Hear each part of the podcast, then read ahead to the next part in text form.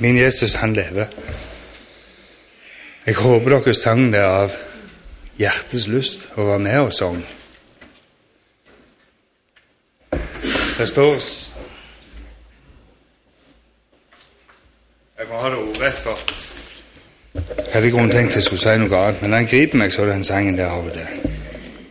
Og så en dag, når jeg er framme, da skal jeg få se han. Min frelser kjær. Tenk den dagen vi skal få møte Jesus. Jeg er så åh, Jeg gleder meg så til det. Og fytti jeg gleder meg til det. Uh, og så skal jeg få lov til å si takk for det som han har gjort for meg. Ikke bare for meg, men for mange og alle andre. Han døde på korset for meg. Og det er, det er, det er så stort. Jeg, jeg, klarer liksom ikke Jeg klarer liksom ikke uttrykke det på noen måte, men jeg skal få lov å si takk til han for det som han gjorde for meg. Så jeg er litt lik Mona. Jeg svetter litt fort i øynene.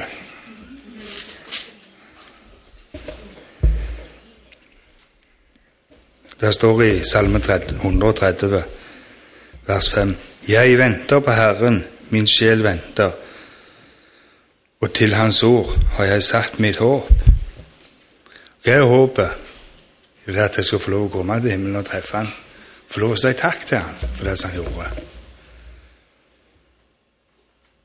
Med det så vil jeg ønske dere alle velkommen til møtet i formiddag. Harald og Karen skal synge vitne. Vi skal få lov å ha en stund med Herren sine føtter.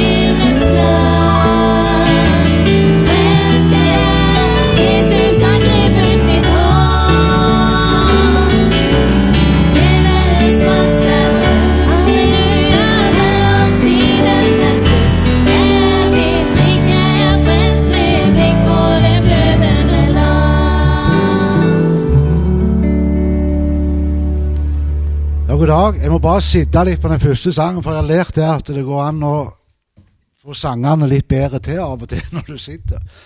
Så har jeg oversett en sang fra engelsk, så jeg syns er veldig fin å forklare så tydelig om Jesus. For det er han det handler om, det er ingen andre. Det er, det er ingenting som jeg kan få ut i meg sjøl. Det er ingenting du kan få til i deg sjøl. Du er akkurat sånn som meg. Du, du er uverdig til det meste. Men på grunn av Hans nåde imot oss, så åpnes det en helt ny verden for oss. Og eh, jeg har eh, gått og tygd lenge, jeg har tenkt lenge og, og vært gjennom litt av hvert, sånn som mange andre på sine måter så har, har fått kjørt gjennom litt eh, vanskeligheter, prøvelser og både det ene og det andre. Og det som er flott med det, at du kommer som regel sterkere ut på andre sida. Selv om det er pyton der og da så er det ikke sånn at Gud kommer og gir oss en sykdom. Han kommer ikke og gir oss verken det ene eller andre. Men han er midt i det. Han er midt oppi situasjonen fordi at han bor ved trua i ditt hjerte. Så enkelt er det, og allikevel så vanskelig. Og jeg kjenner det at uh, det er noe som brenner på innsida, og det er ikke alltid like lett å få det ut. Og jeg skulle bare ønske at uh, at uh, dere var med meg. Jeg har min stund jeg legger meg. Jeg kryper under dyna med ei bok eller Bibelen, og når jeg har lest og, og, hatt min del av det, så skulle jeg ønske jeg kunne hatt en sånn opptaker, sånn at alle hadde fått hørt hva Herren taler om. For når det skal sorteres inni her og deles ut til resten, så er det ikke helt det samme. Men eh, han taler jo først og fremst til meg. Han elsker meg over alt annet her på jord, på samme måte som han elsker deg. Så ønsker han at vi skal søke inn til han og leve nærme han, for å oppleve å ta imot det alt det som han har å gi til oss. Og det er en sang som går eh, sånn han eh, går på engelsk. Det er Jason Crabb som har skrevet den, da. Men uh, jeg fra Norge så jeg liker best å synge på norsk.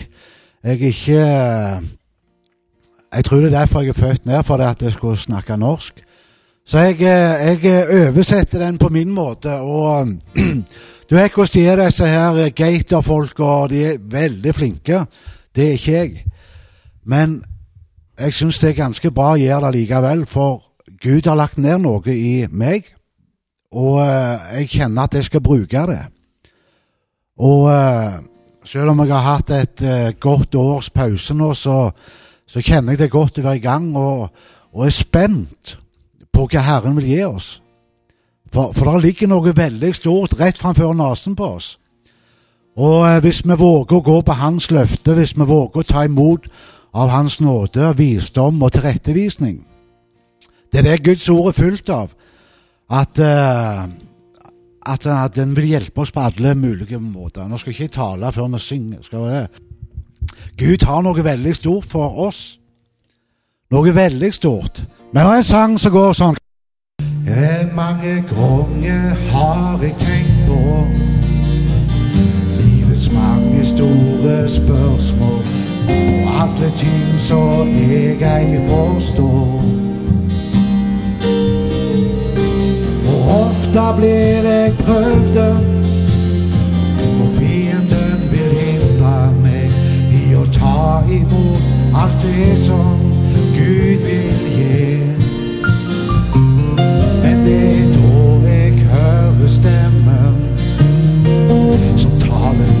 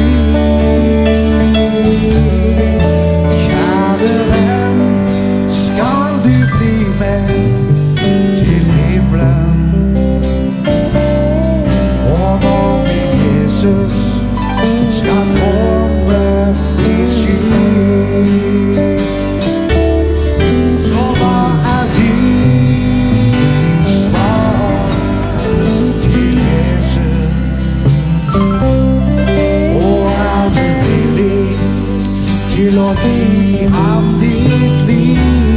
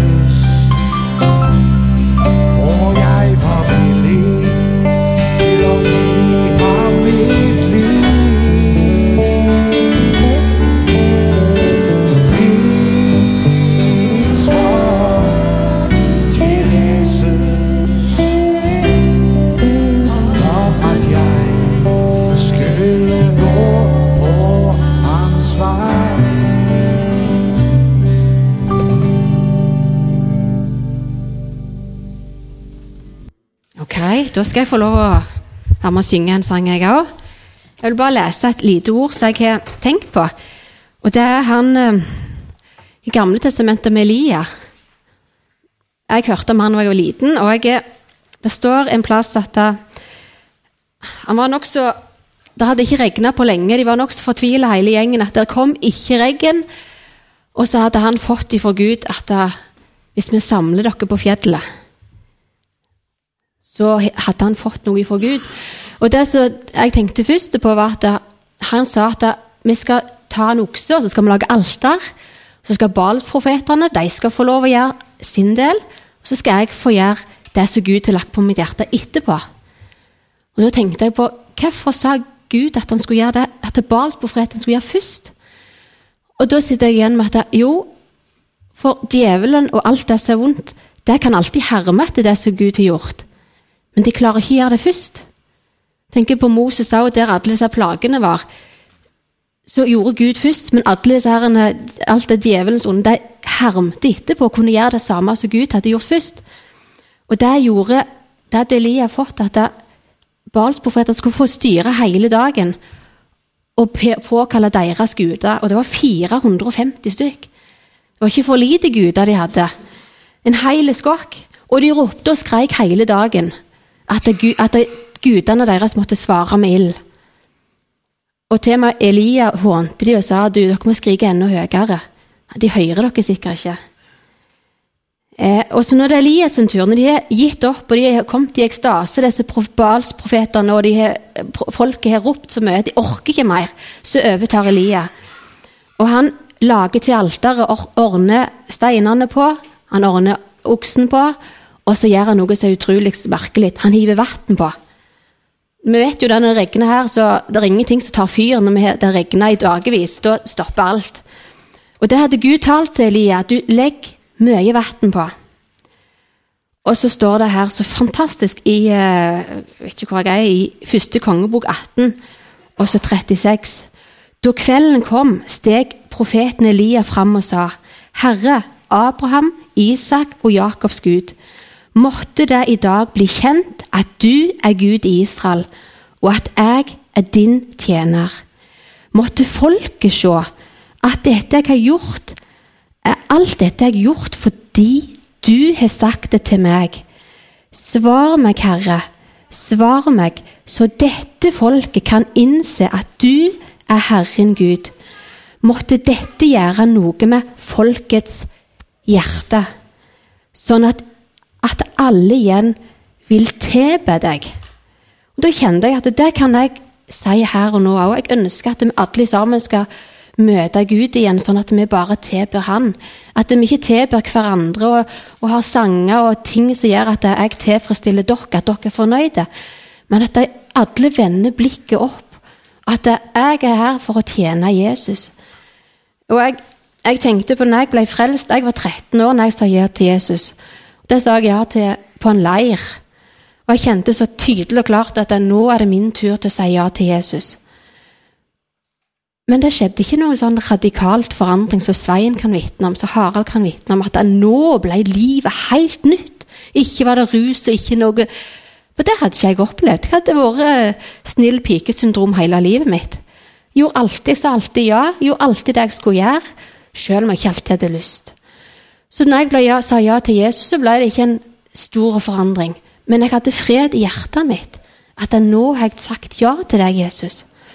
Og når jeg gikk i menigheten hjemme på Nærbø, i pinsen der, så, så var jo Evangeliesenter på besøk, og de hadde den ene røverhistorien etter den andre. Sant? Den og den sånn og stor frelsesgreie. Og, så jeg tenkte, du vet du hva, jeg tror jeg må, må begynne å drikke og begynne å ruse meg og begynne å bli skikkelig dårlig. Og så kan jeg ta imot Jesus på nytt. For det, det var liksom bare de som kom fram, og de som vitna og var frimodige. Alle de andre som hadde opplevd andre ting, de sa ingenting. Men uh, jeg slapp den runden. Det var noen som tok meg i nakken.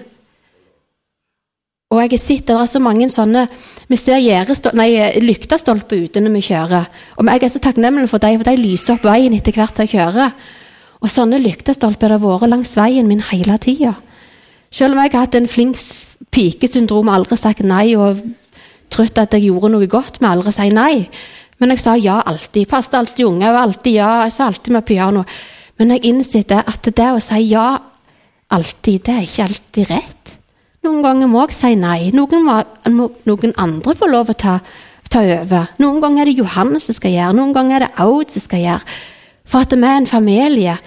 Og når jeg jobber i barnehage, så vet jeg hvis jeg skal bare si alt til ungene, og, og de aldri skal få komme til, så blir det bare urolige unger, og det blir vi klatrer oppi der. Men hvis de får lov å komme fram én og én, og det er sånn vi er her i menigheten òg Hvis vi får lov å komme én og én og dele litt Ikke alltid dele, dele alle på søndagsmøtet, men vi kan få lov å dele litt her og litt der. Noen ganger er det på junior, noen på barnetreffen, og noen ganger om alle gjør det på jobben og i hverdagen.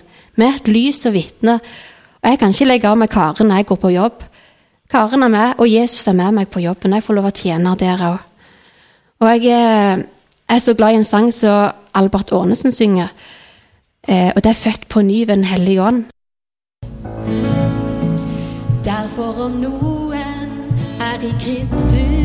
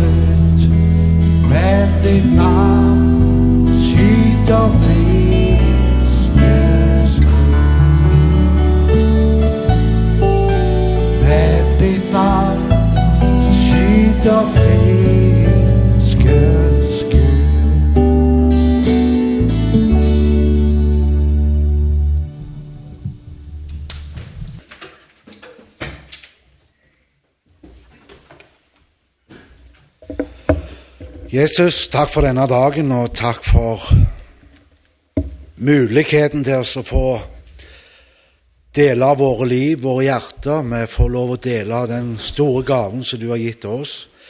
Takk for at du har en utrolig stor plan for hver enkelt av oss. Du som kjenner oss, du som har formet oss så kunstferdig som det står i mors liv, med en hensikt og med en plan med en eh, natur som bare er vår, og som du har tenkt å bruke. Jeg takker for at du ser overalt, gjennom alt, og for alt og til alt, Jesus. Takk for at du tar hånd om de ord som skal deles i dag. Jeg ber om at eh, Den hellige ånd åpenbar og herliggjør deg gjennom hver ting som blir sagt. Takk for at du skal bruke meg i dag til å få dele det som du har på hjertet. Takk for at jeg kan stille meg til disposisjon for deg. Det ber vi om i Jesu navn. Amen. Ja, så var det i gang med taling igjen og, og sånne ting, og kjenner det godt. Og jeg mener det som jeg sa tidligere, at eh, jeg skulle ønske jeg kunne skrudd på en lydopptaker, men forberedelsen den ligger og, og er stilt, stille innenfor Gud. For han har så mye godt for hver enkelt av oss at eh, menneskelige ord det tror jeg blir fattig når en skal prøve å forklare det. Men det ligger der. Og eh, i alle ting som skjer i våre liv, altså vi kommer ut føre Jeg ser at, eh, at eh, når du kommer Vi må jo ha en jobb, vi må jo ha inntekt. Sånn er verden bygd opp. Og jeg òg går på jobb kunne godt sluppet det, men det gildt òg. Jeg trives med å få jobbe, så det, det, er ikke noe galt i det. Og jeg ser at eh, Nå er ikke jeg ute på så veldig mange ting, men jeg får legge til og med det i Guds hender. Jeg, kan, eh, jeg har en kalender som jeg eh, bruker, og jeg kjenner jeg får legge den òg i Guds hender. Når jeg har oppgaver eller er rolig, så kan jeg faktisk få legge sånne ting òg, og ting dukker opp. Og kjenne at eh, han er med. Han er med oss i alle ting som skjer rundt oss, og, og kan velsigne oss og hjelpe oss og være et vitnesbyrd. Jeg husker når jeg begynte der jeg er nå, så, så ringte jeg til forskjellige kunder, og når de ikke tok telefonen, så, så hadde de sånn app som lå til telefonen at eh, med en gang noen ringte som ikke visste hvem jeg var, så kom det opp på telefonen. Og det første som kom opp som meg, det var evangeliet på veien. Så det var så mange som lurte på hvem er det der for en. Og så jeg kom og fortalte at ja, jeg eh, heter Harald, har begynt å kjøre den lastebilen og vil være med og hjelpe oss, så kom det mange reaksjoner. Men det går an å bygge seg opp et forhold til den enkelte. Og eh, det er veldig stort å få være et vitne i hverdagen. Være direkte, være seriøse. Selv om en tuller mye, så, så kommer en til et punkt der at eh, nå er det Guds ord som regjerer. Nå er det Guds ord som bestemmer, og vi må ta det derifra på den måten. Og det som er det største av alt han svikter ikke. Det er aldri Gud som har svikta når ting ikke går som det skal. Når det ikke skjedde det som vi trodde skulle skje, så er det ikke han det står på. Det er oss. Og eh, Vi hørte så fint her sist søndag. og Jeg kjente at det, det som Svein var frampå da, så kjente jeg Amen. Der har vi det. Det handler det om. Og det har jeg forberedt meg med, at det er sånn det handler om. Det er Guds ord som bestemmer. Det er Den hellige ånd, som vi sang her nå i sangen, at uh, Hellige ånd kommer og gjør den jobben du skal gjøre.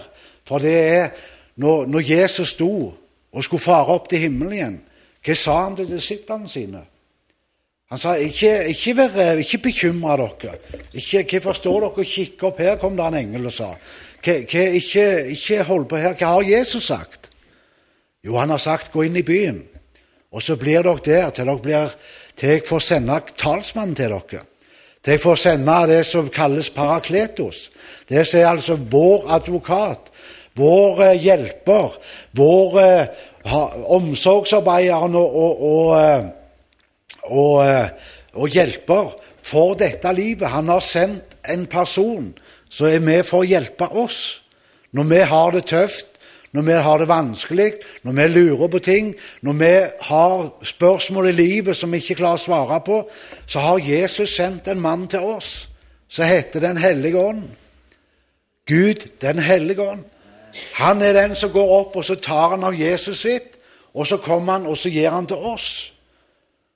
Det er ikke noe som skjer på søndagsmøte, men den personen som har flytta inn på innsida, som vi gjerne ikke gir nok oppmerksomhet. En person som ikke hører godt nok etter. En person som kommer til oss og prøver å fortelle seg 'Harald, vær forsiktig her. Nå er du på en vei som du ikke bør gå.' Så kan jeg se noe som frister lenger framme, og så går jeg, og så går jeg rett i baret. Fordi Jo, fordi at jeg ikke hørte på den personen som Jesus har sendt. Så kommer og så setter han fingeren på de forskjellige ting. Så sier han, 'Rydd opp i det. Gå og møt den.' Husker ni var på Østerbo, så et tilfelle så kommer Gud om morgenen, og så sykkelen vekke. Og så vet vi det at det er noen som jobber eller ikke som jobber men som er til rehabilitering i senteret, så plutselig får nok, og så bare stikker de av. Og da er det ikke sånn lure, De står ikke og lurer på kan jeg ta Harald som sykkel. Nei, de skyter av gårde, for nå har de bestemt seg. Så tar de det første de kommer over, og det var min sykkel. Så får vi hjelp av Den hellige ånd. Dette er en liten ting, men han er med der òg, ser du. Han er ikke bare med der det trengs et svært vekkelsesmøte og kampanje og bønnekonferanser og det ene og det andre. Han er med i de små tingene òg og vil hjelpe oss på veien. Så når jeg så at sykkelen var vekke, så tenker jeg Jesus, hvor er han henne? Så hører jeg på hans stemme som sa, gå ut, kjør ut av porten, ta til høyre med i T-krysset. Du kommer til ei dump, der ligger sykkelen. Så gjorde jeg det og kjørte, fulgte anvisningene. Så jeg kom i dumpa, hva fant jeg? Jo, jeg fant sykkelen min. Like heil. Så han er, han er, med, og han vil hjelpe oss. Han vil eh, ta hånd om oss, og så vil han sette oss i stand til det sånn som Jesus hadde tenkt vi skulle være. Vi skulle bli. Vi skulle få oppleve. For det er et fellesskap, et rikt fellesskap med den allmektige Gud. Jeg var innom på Vold meieri her og så skulle hente noe såpe til han som jeg jobber for. Og der treffer jeg jo Trygve. Og så gir han meg dunken med såpe jeg bærer ut i bilen. Og så sier han, før jeg gikk, så, så, så sa han noe som ikke han tenker så veldig på, men jeg tenker veldig på det. For du må vente litt, sa han, for du må ha med deg et sånt datablad. Så viser jeg denne såpa inneholder. Både med hvis du får det i øynene og sånn, at hva du skal gjøre. Og er det ikke akkurat sånn når vi òg treffer folk langs vår vei? Så kommer de til oss og så spør de om råd. Så kommer de til oss og spør om hjelp. Og så har de en, har de, spør de etter en veibeskrivelse. Og så lurer de på det ene og det andre i livet. Så kan vi si jo, Jesus er svaret. Men du, ta med deg et datablad som forteller hva dette her handler om. For vi kan aldri gå utenom at det er Guds ord som bestemmer hvor vi skal gå hen. Det er ikke meg eller en ledelse i en menighet som bestemmer at det, sånn er dette, skal gå, sånn skal det gå til framover. Nei, det er et, en mann eller ei dame fylt av Den hellige ånd som får kjenne det at Gud har kalt oss i denne retningen. Vi har lest databladet, og det sier f.eks. 'gå ut'. Og så har vi lest eh, databladet videre, at det omhandler mange ting. Det er ikke sånn at eh, når det skjer noe med, eller ei ulykke, så trenger vi hjelp for å komme oss ut av den ulykka. Nei, det databladet det beskriver faktisk òg bruksområdene til denne såpa. Hvordan bør du gjøre for at denne skal ha mest mulig effekt?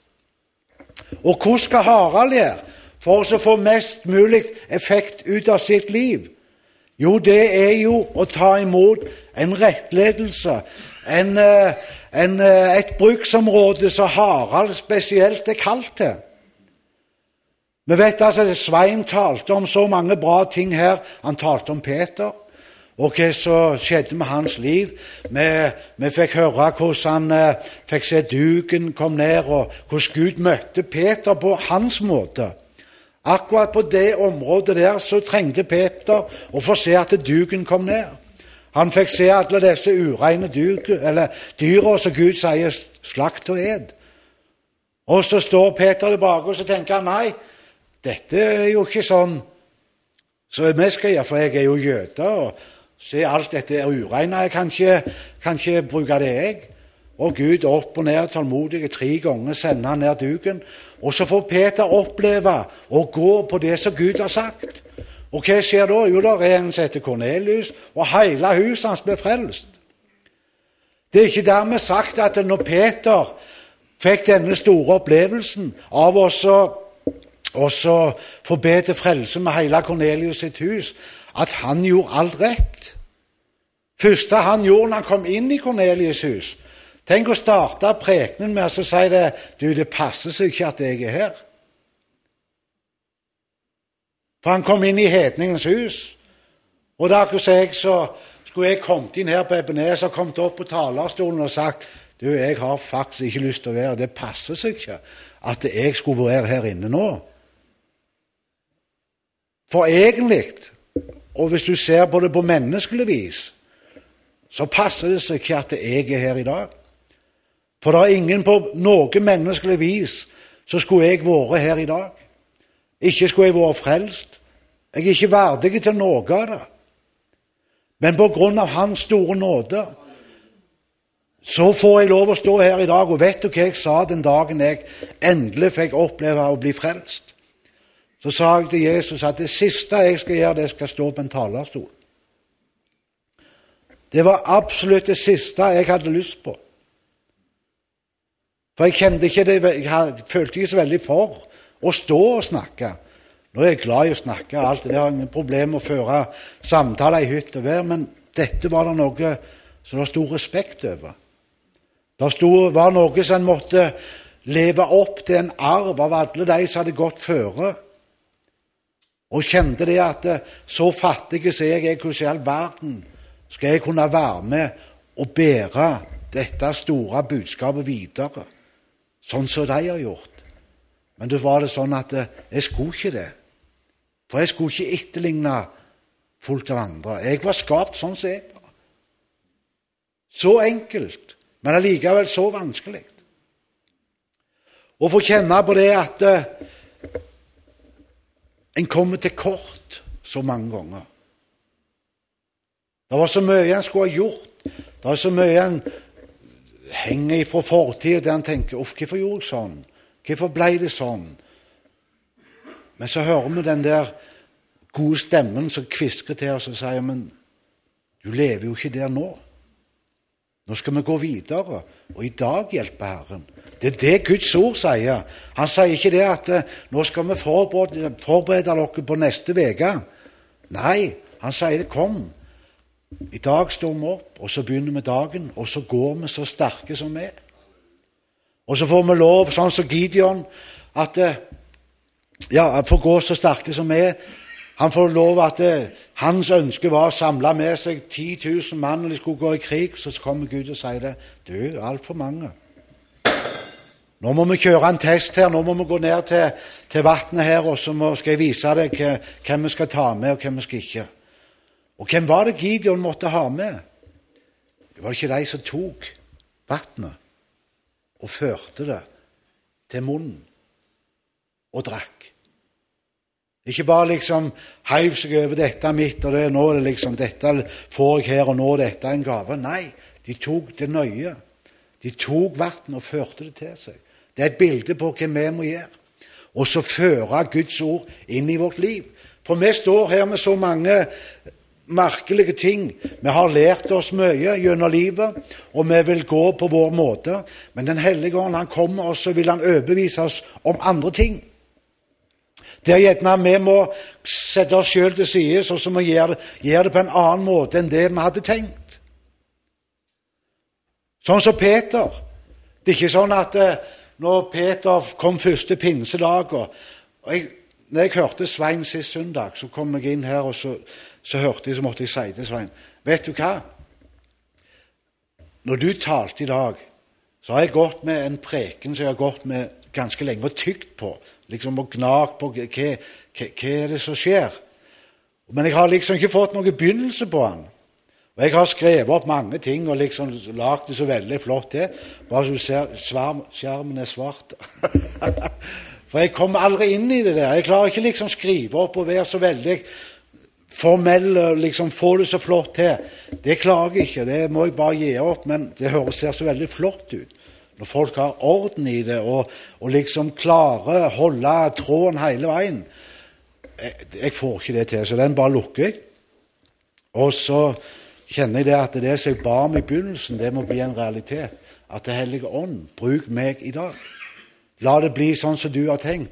For når jeg står her og ser på hver enkelt av dere, så er dere en så stor ressurs. Det du har, det er det ingen andre som har. Og det handler bare om å ta ett steg om gangen. Så er han med. Så er han der for å hjelpe deg og meg. Og det er så stort at vi får kjenne at uh, vi leser Guds ord. Vi leser om Peter. Og når jeg hørte Svein, så måtte jeg si til han etter møtet at det, eh, det som jeg prøvde å kalle en preken, det, den heter 'Hva om Peter sto her i dag?' Hvis Simon Peter hadde kommet inn døra her og kommet opp på talerstolen, hva hadde han sagt til oss i dag? En mann som har vandra med Jesus, som fikk jeg oppleve å se tegn og under, bokstavelig talt, hva Jesus gjorde.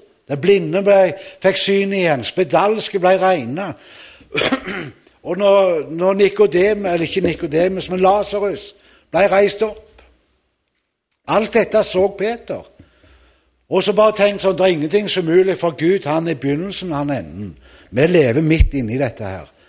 Og hvis du tenker at Gud er overalt, han Han er både fortid, nåtid og framtid. Så han er her. Så hadde ikke vært noe problem for, for, for, for Jesus å sende Peter inn her nå. Med kjortel på og belte om livet. Rett ifra himmelen.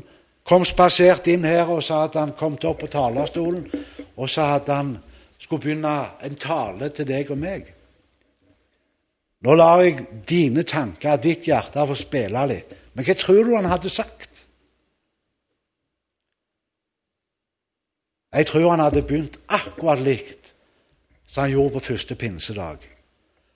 Der han reiser seg opp etter de har fått åndsdåpen, etter de har hatt ildtung over hodet, og, og, så svære ting at folk har hørt at hvem er disse her? De taler jo på mitt språk. Noen står de i fodle. Uh, noen står og forsvarer seg at det er jo bare den niende timen på dagen. Det er klokka bare ni om morgenen. Ikke, Vi har jo ikke drukket oss fulle ennå. Om de gjorde det, det vet jeg ikke, men sånn sa de det iallfall. Og så reiser Peter seg opp, og så sier han Brødre, israelittiske menn, sier han i Bibelen. Men hva hadde han sagt hvis han kom inn her? Han hadde sett på hver enkelt av oss han hadde sagt søsken, min bror, min søster, hør. Og så hadde han sagt Jesus er fortsatt en mann som er utvalgt av Gud. Skal vi lese det i uh, apostelgjerningene 2?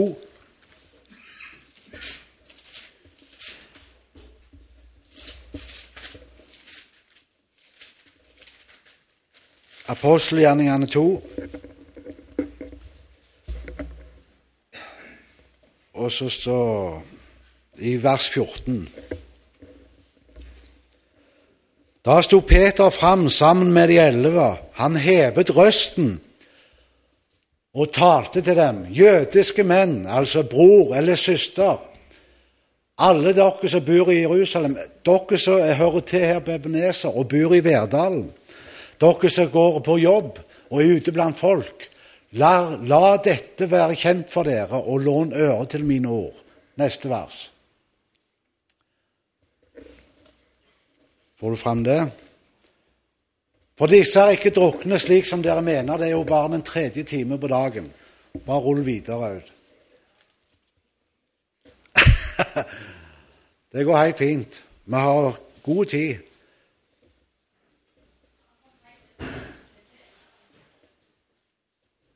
Hæ?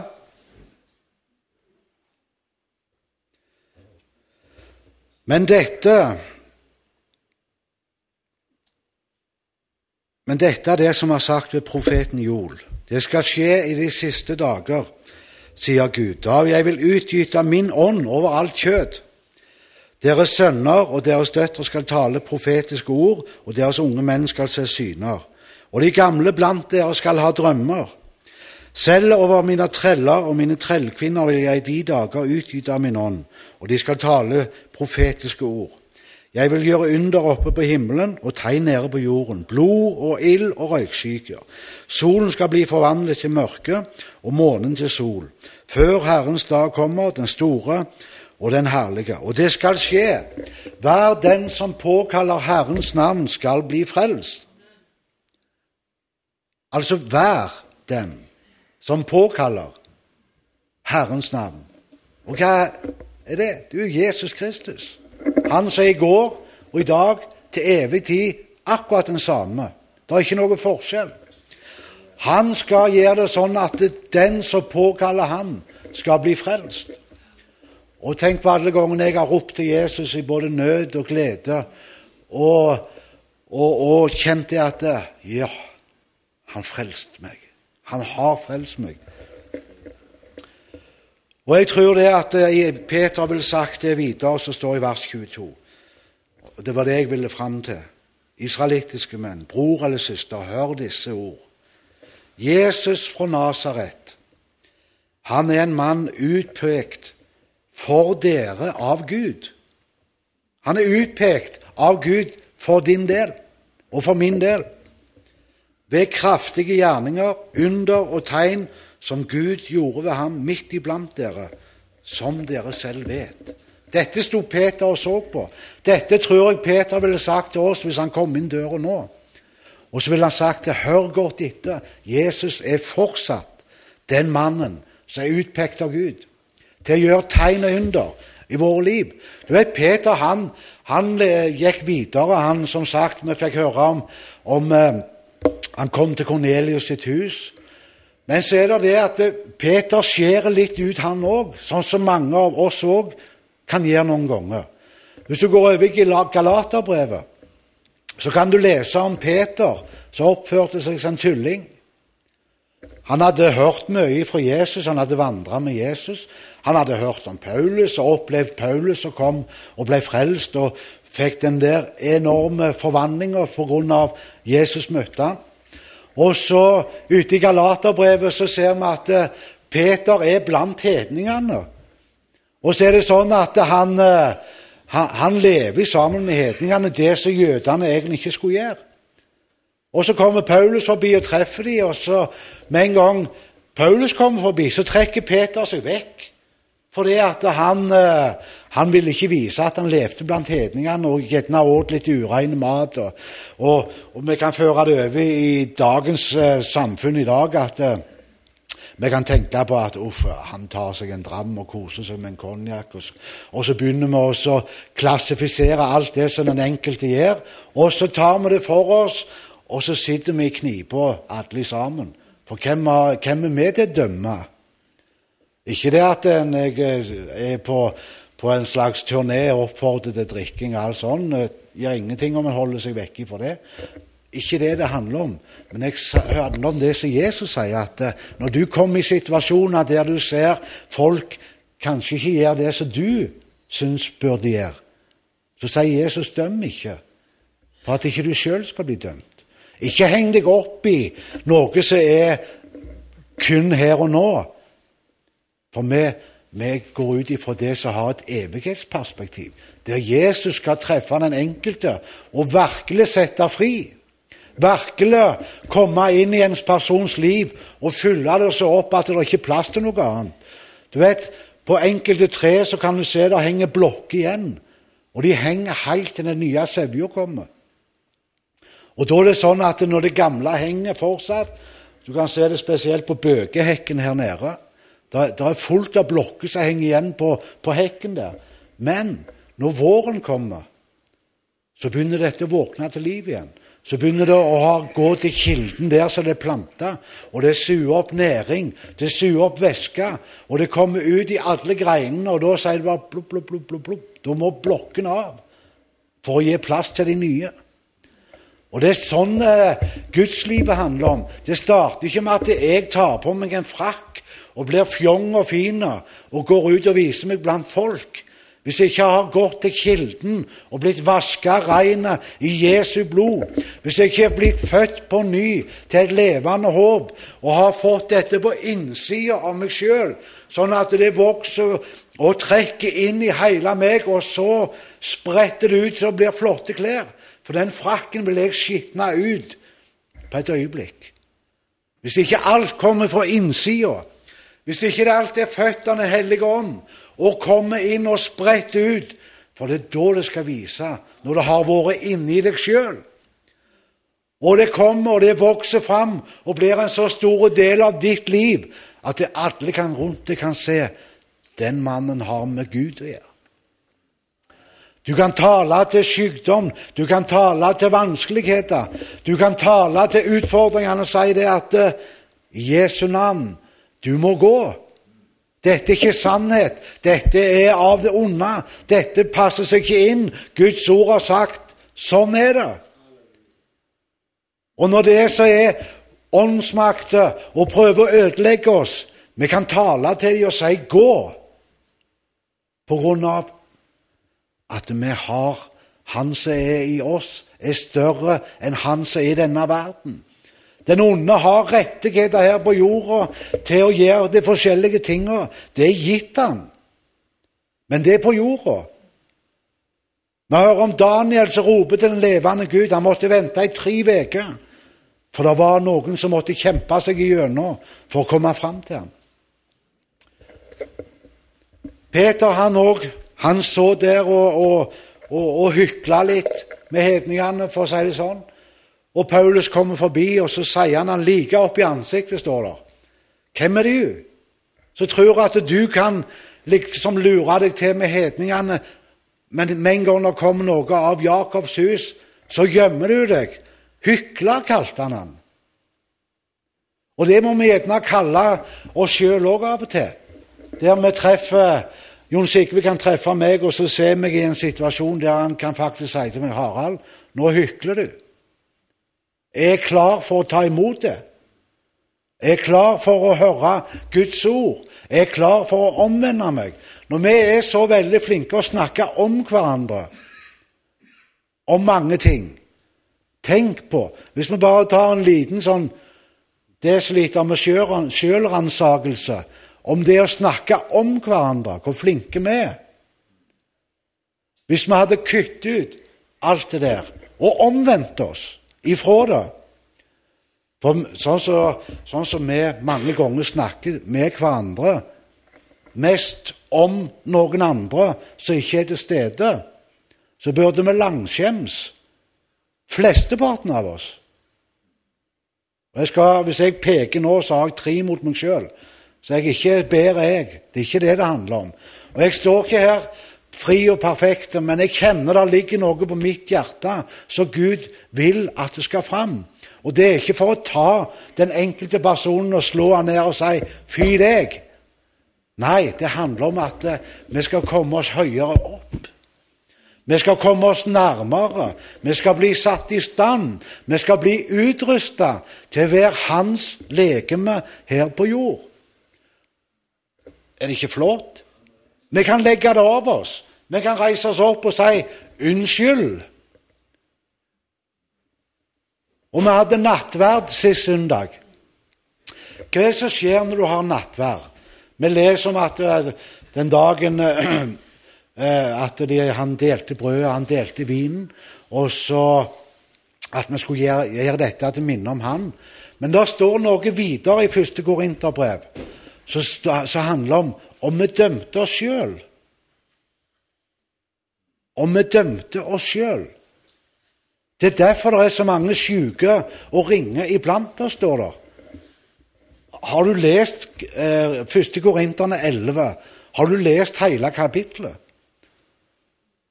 Hvis du tar, tar, Herrens måltid, og du kommer på at du jeg har ikke ting i orden med eh, Jan Arvid Skal jeg liksom springe ut, da? Skal jeg liksom avstå fra mål, minnemåltid om Herren, eller hvordan er det dette her fungerer? Vi kunne hatt en hel bibeltime angående nattverden. Nattverden det er et minnemåltid om det som Jesus gjorde for oss. At vi skal gjøre det så ofte vi kan til minne om Han. Og Når vi går videre, da, skal vi ta det ordrett. Vi kan slå opp i, i eh, Korinterne 11. For, for oss å bare få det ordrett, så tar vi det med. Første Korinterne 11, 27, ja.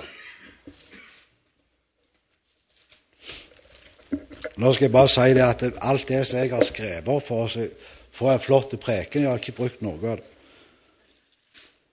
Og det er herlig, det òg. har ingenting. Hvis jeg hadde fått det til en annen gang, så kan jeg bruke det for neste søndag. skal vi få lov å ha møte i Egersund, på Evangeliehuset. Så det òg blir jo spennende. Hvis vi begynner i vers 25 Liksom tok han kalken etter aftensmåltid og sa:" Denne kalk er den nye pakt i mitt blod. Gjør dette så ofte som dere drikker den, til minne om meg. For så ofte som dere eter denne, dette brød og drikker denne kalk, forkynner dere Herrens død inntil Han kommer. Derfor, den som eter brødet eller drikker Herrens kalk på uverdig vis, blir skyldig i Herrens legeme og død. La hvert menneske prøve seg selv og så ete brødet og drikke kalken. For den som eter og drikker, han eter og drikker seg selv til dom dersom han ikke akter på Herrens legeme. Derfor er det så mange svake og syke blant dere, og ikke få som sovner inn. Men dersom vi dømte oss selv, ble vi ikke dømt. Men når vi blir dømt, da er det Herren som refser oss, for at vi ikke skal bli fordømt sammen med verden. Derfor, mine brødre eller søstre, når dere kommer sammen for å holde måltid, da vent på hverandre. Om noen er sulten, så får han ete hjemme, for at dere ikke skal komme sammen til dom. De andre vil jeg gi forskrifter om når jeg kommer. Og Det er rett og slett sånn at eh, hvis jeg kommer fram for Herrens minnemåltid, og så kjenner jeg det at eh, jeg har et åpent sinn, jeg har et åpent hjerte, og kjenner det at eh, Jesus, hvis du vil møte meg nå, så møt meg. Hjelp meg til å komme videre. Hjelp meg å ta rett retning i livet mitt. Hjelp meg til alt som jeg trenger til hjelp. Og så kommer jeg fram, og så tar jeg Herrens måltid. Og så kommer jeg på, eller kjenner Jan Arvid Jeg har det ikke greit med Jan Arvid. Det er Herren som minner meg om at eh, du har ikke saken i orden med Jan Arvid. Hva gjør jeg da? Det er da jeg dømmer meg sjøl. For da sier toppetasjen min at det ja, ikke så farlig. Det går greit. Det er ikke noe å bry seg om. Det er bare en liten bagatell. Men i hjertet så har jeg kjent det at eh, du, jeg har det ikke i orden med Jan Arvid. Og da kommer det til dommen, der jeg sier, Harald, hva jeg tenker, hva jeg ønsker å gjøre i meg sjøl, det får være. For Herren har minnet meg om at eh, jeg har det ikke i orden med Jan Arvid. Da holder jeg dom. Da sier mitt indre Harald ti. Jeg velger å gi opp med Jan Arvid. Så tar jeg måltidet, og så er jeg med å forkynne hans død og oppstandelse mens vi holder det måltidet. Og når vi er ferdige, har gjort vårt, så går jeg ned til Jan Arvid og så sier jeg unnskyld. Kan vi rydde opp i det som er gale imellom oss to? Og i det jeg har gjort det Han trenger ikke engang si Han trenger ikke ta imot unnskyldningen. Men jeg har gjort mitt. Jeg har holdt dom over mitt eget liv. Og så kan jeg reise meg opp, og så kan jeg gå fri. Jeg kan ikke styre hans liv. Han må òg holde dom, men det er noe hver enkelt av oss er nødt til å gjøre. For mens vi lever her på denne jorda, så har vi dette kjøttet å dra med oss på. Og hvis at vi velger å gå ut av velsignelsen med vårt liv, hvis vi velger å ikke holde dom i våre liv Hva er det han skriver om da, Paulus? Han skriver det derfor det er så mange syke iblant dere. For vi har ikke valgt å ta et oppgjør med livet vårt. Han eh, står ikke og forventer at vi skal forvandle hele verden, men han vil begynne med meg og deg. Og når du holder dom over det som er synd i ditt liv, så setter han oss fri. Han tar vekk, han fjerner. Han er det så, tar det så langt vekk at det aldri har vært der engang. Så allmektige er Gud. På grunn av det som Jesus har gjort for oss. Han sendte sin sønn i døden for at meg og deg skulle gå fri. Og er det sånn da at du ikke engang kan si unnskyld til din neste? Er det sånn at du kan ikke engang gå i deg sjøl og tenke som så Herre, hvordan står det til i mitt liv? Herre, hvordan har jeg det på innsida? Se meg. Når jeg ser at Jan Off Nei, jeg syns ikke så veldig om Jan. Det vet du jeg gjør, så derfor bruker jeg han som eksempel. Hvis at jeg står og ikke vil ta et oppgjør med disse tingene, så fører det til synd i mitt liv. Og synd, det betyr jo å bomme på målet. Det er ikke sånn at eh, Jon Sigve har den synda, eh, eh, Magne har den, og den er ganske fæl i forhold til Jon Sigve sin. For ikke å snakke om Trygve, da. Det han har i livet han, Så står vi og måler hva som er rett og galt. Hvor mye betyr den? Hvor mye betyr den? Synd er synd. Punktum. Det betyr å bomme på målet og gå i feil retning med livet. Er du villig til å holde dom over ditt eget liv? Er du villig til å la Den hellige ånd komme og fylle, deg opp, og så la han få ta et oppgjør med ditt hjerte? Er jeg villig til å la han få lov å ta et oppgjør med mitt liv og si det, Harald, det du holder på med, det er ikke bra. Og så får jeg lov å opp, eller jeg får lov å oppdage, jeg får lov å se hva er det som stagnerer i mitt liv. Så kan jeg få lov å holde dom. Er det ikke fantastisk? Det er det nattverden handler om. Det er det Kristi liv i oss Kristus i oss. Håp om herligheten, som Finn Arne sier. Kristus i oss. Det, det etterjager oss til å ta et oppgjør med vårt eget og ta imot av det som er hans. For jeg skal garantere deg det, at det han har, er mye bedre enn det du sitter med. De vanskeligheter og plager som du måtte eventuelt ha, det er ingenting. Han taler, og det skjer. Han bød, og det sto der.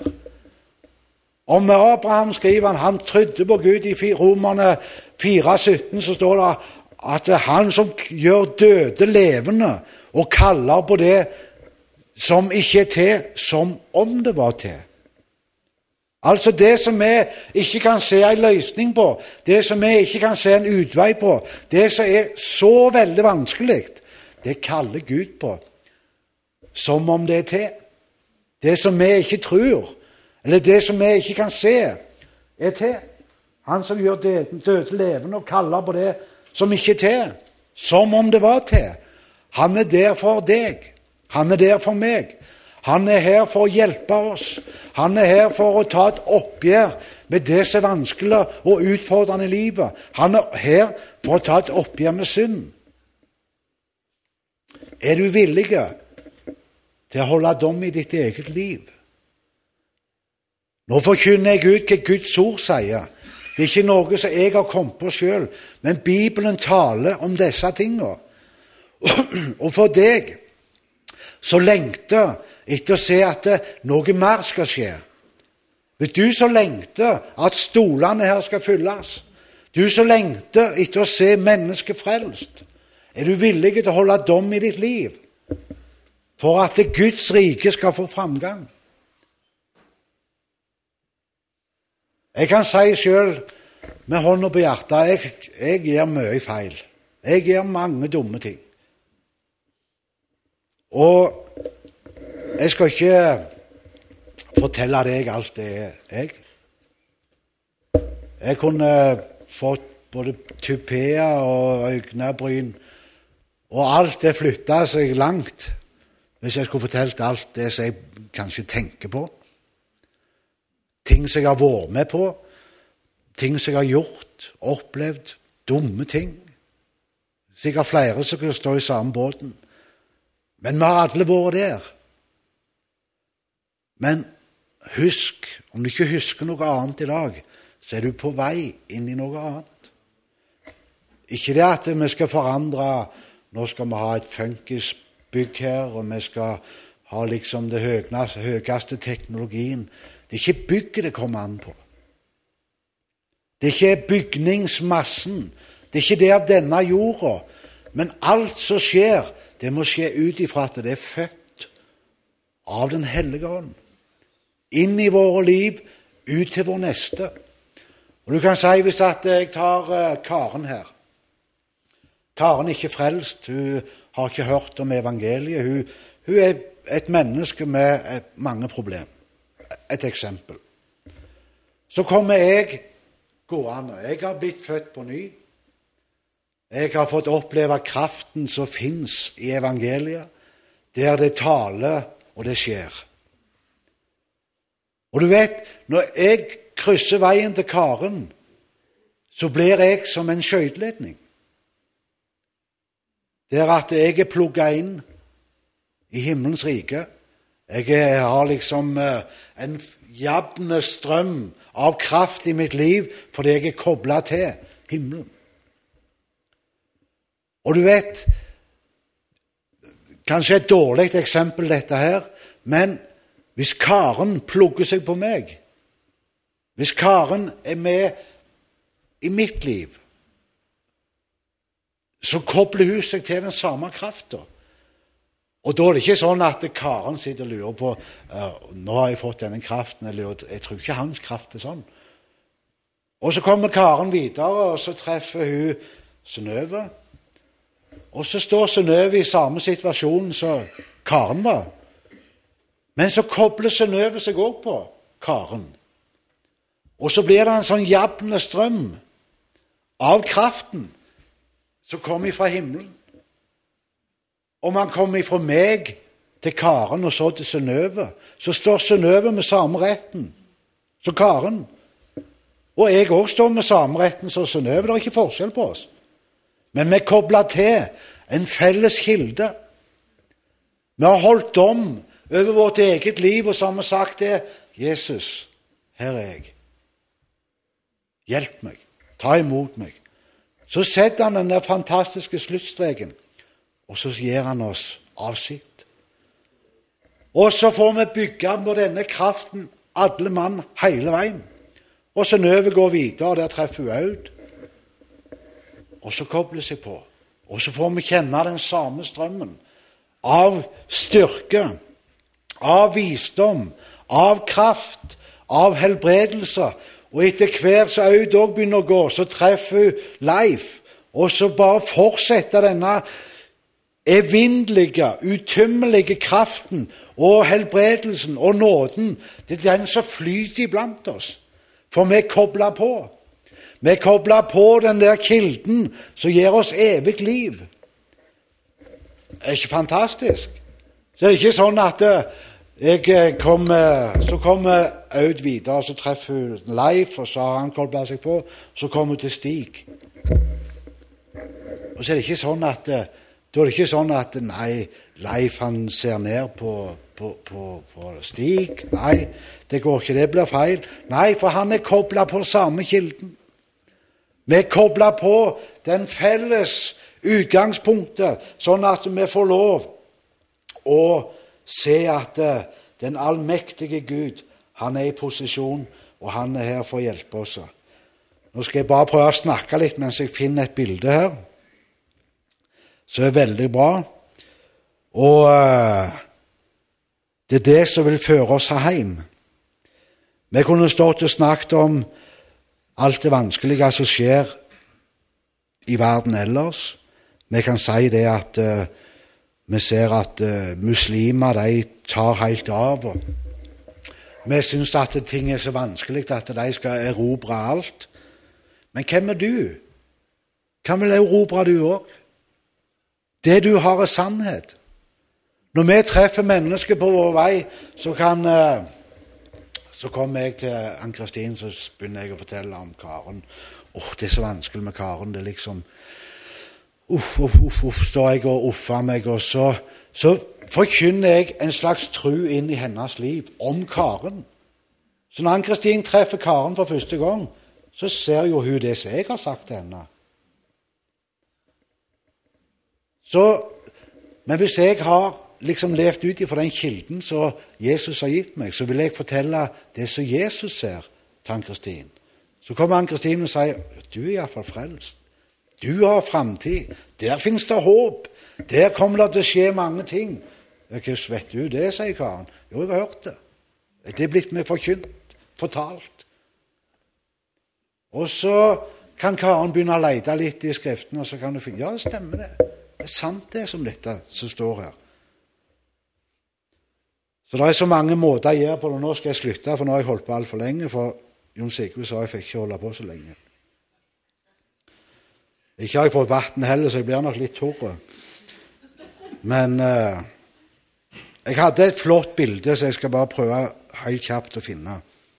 Det er et fantastisk bilde som heter Det er et maleri da, som kalles 'Dag én i himmelen'. Første dag i himmelen. Er dere med på det som jeg prøver å si?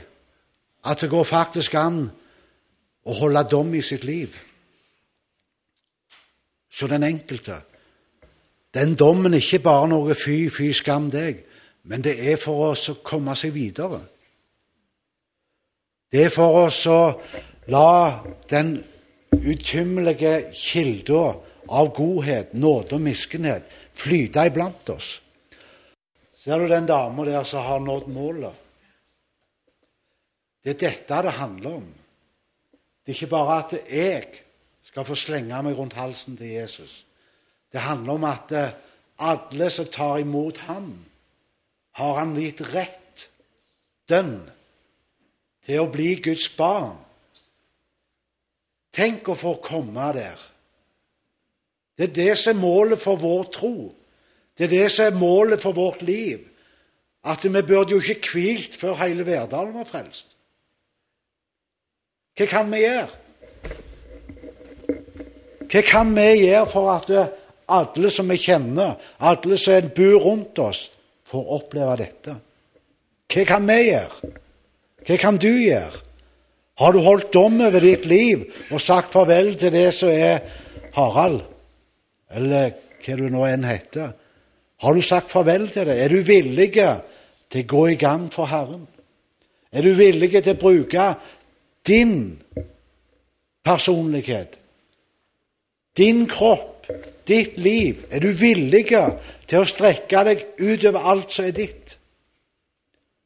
Det er det som blir spørsmålet mitt i dag.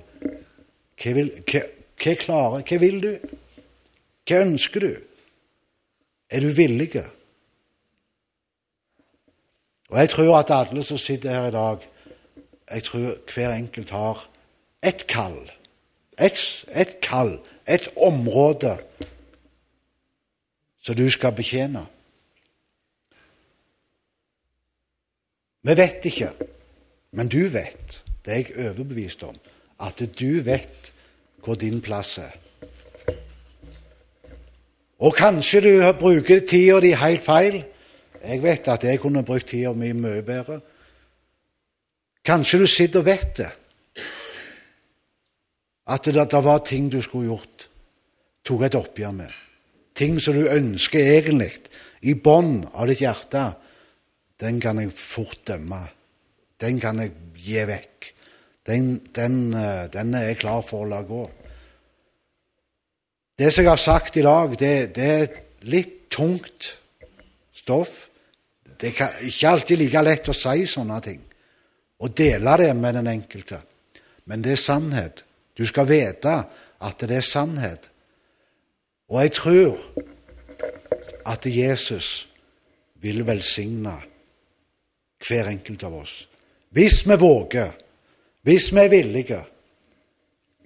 Det var en som sa det at eh, jeg leser ganske mye bøker og biografier. Jeg liker å se på de som har gått føre. Og jeg liker å se hva, hva utgang livet har fått. Fascinerende ting, og det er så mye jeg lengter inn i sjøl. Men det var en som, hadde en nådegave til helbredelse. Og Han hadde bedt til Gud, han hadde fått klar tiltale på at nå, du har fått nådegaven til helbrede. Så sier denne karen det er jeg villig til. Jeg, ja, Han var lydig og gikk i gang. Men så skjedde det ikke noe rundt det som han hadde fått i nådegave da, til å hjelpe andre. Og så gikk han i bønn og så sa han til Herren du, jeg har vært lydig og gjør det som du har kalt meg til. Så svarer Herren ja, jeg vet du har vært lydig, men er du villig? For det er noe som skjer med hjerteforholdet vårt. Det er der det starter. Det er ikke om at OK, jeg skal få til det. Nei, det begynner inne her. Og så springer det ut. Og så fyller det hele kroppen. Og så spretter det gamle av. Og da er det så flott at det trenger ikke vi tenke på. Og vi skal bedømme og dømme alle ting. Nei, det spretter sjøl, men la det bli fra innsida og ut. Paul, eh, Peter han skriver etter han hadde fått en overhøvling av Paulus Hvis du leser Peter, Peters brev, første Peters brev, så står det at eh når han forteller om hvor velsigna vi er, og hvor godt vi har det i Herren, så sier han dette skriver er Paul, vår bror, vår gode bror Paulus. Skriv òg om disse tingene, sier han. I disse er det noen som er litt vanskelig å forstå, men han så at vi trengte å bli tilretteledet litt, tilretteviste og hjulpet videre på veien. For vi kan gjøre dumme ting, og vi kan eh, skli litt ut, men det er en som alltid står og henter oss inn. Og så får vi lov på en enkel måte å holde dom over disse tingene. Og så får vi leve i en velsignelse videre med vårt liv. Og jeg tror at eh, dette året her skal bli et år der den enkelte av oss får kjenne på kallet. På oppgaver som trenger å bli utført. Og eh, de skal òg bli utført av deg og meg. Er ikke flott? Så hun gleder seg. Halleluja. Jesus, takk for denne stunden, Jesus. Takk for at du har vært med. Og jeg takker for at du som kjenner hver hjerte her i dag, må det bli sånn at du lar dette få vokse og gro. Jeg tror at dette er ditt ord, Jesus. Jeg tror at det er dine tanker. Jeg tror at du, den planen som du har for den hver enkelte av oss som er her i dag, og hver enkelt sin familie, skal få lov å oppleve og se at vi kan få en start der vi oppdager vanskelige ting i vårt liv. Vi skal få se at uh, vi kan få lov å holde dom. Vi skal få lov å få en åpenbaring av hva det er å holde dom i vårt eget liv. Og jeg ber Jesus om at den hver enkelte skal få lov å kjenne deg på alle sine veier, Jesus. Takk for at ditt ord som i dag er sådd, og har blitt sådd tidligere, vi ber om rett næring for den enkelte, sånn at det i sannhet får vokse fram. At det i sannhet får bli sånn som ditt ord har sagt. Og vanskelige ting, det skal vi få lov å kjenne blir lett. Og det blir et svar på det, Jesus. Vi får lov å kjenne i sannhet hva posisjon vi står. Vi skal få lov å kjenne i sannhet at du er vår utfrier. Vi skal få lov å kjenne i sannhet at eh, det mål som vi går imot Jesus, det er, skal bare bli større og rikere og bedre. Og vi skal få lov å kjenne en sikkerhet i vårt innerste, i vår tro, om at du er verdens frelser. Du er verdens helbreder. Du er den som har tatt vår synd og skam, og vi får lov å, å klynge oss til deg, Jesus, og ta imot av den uendelige nåde som bare du gjør. Vi ber om det i Jesu navn. For i dag får jeg börja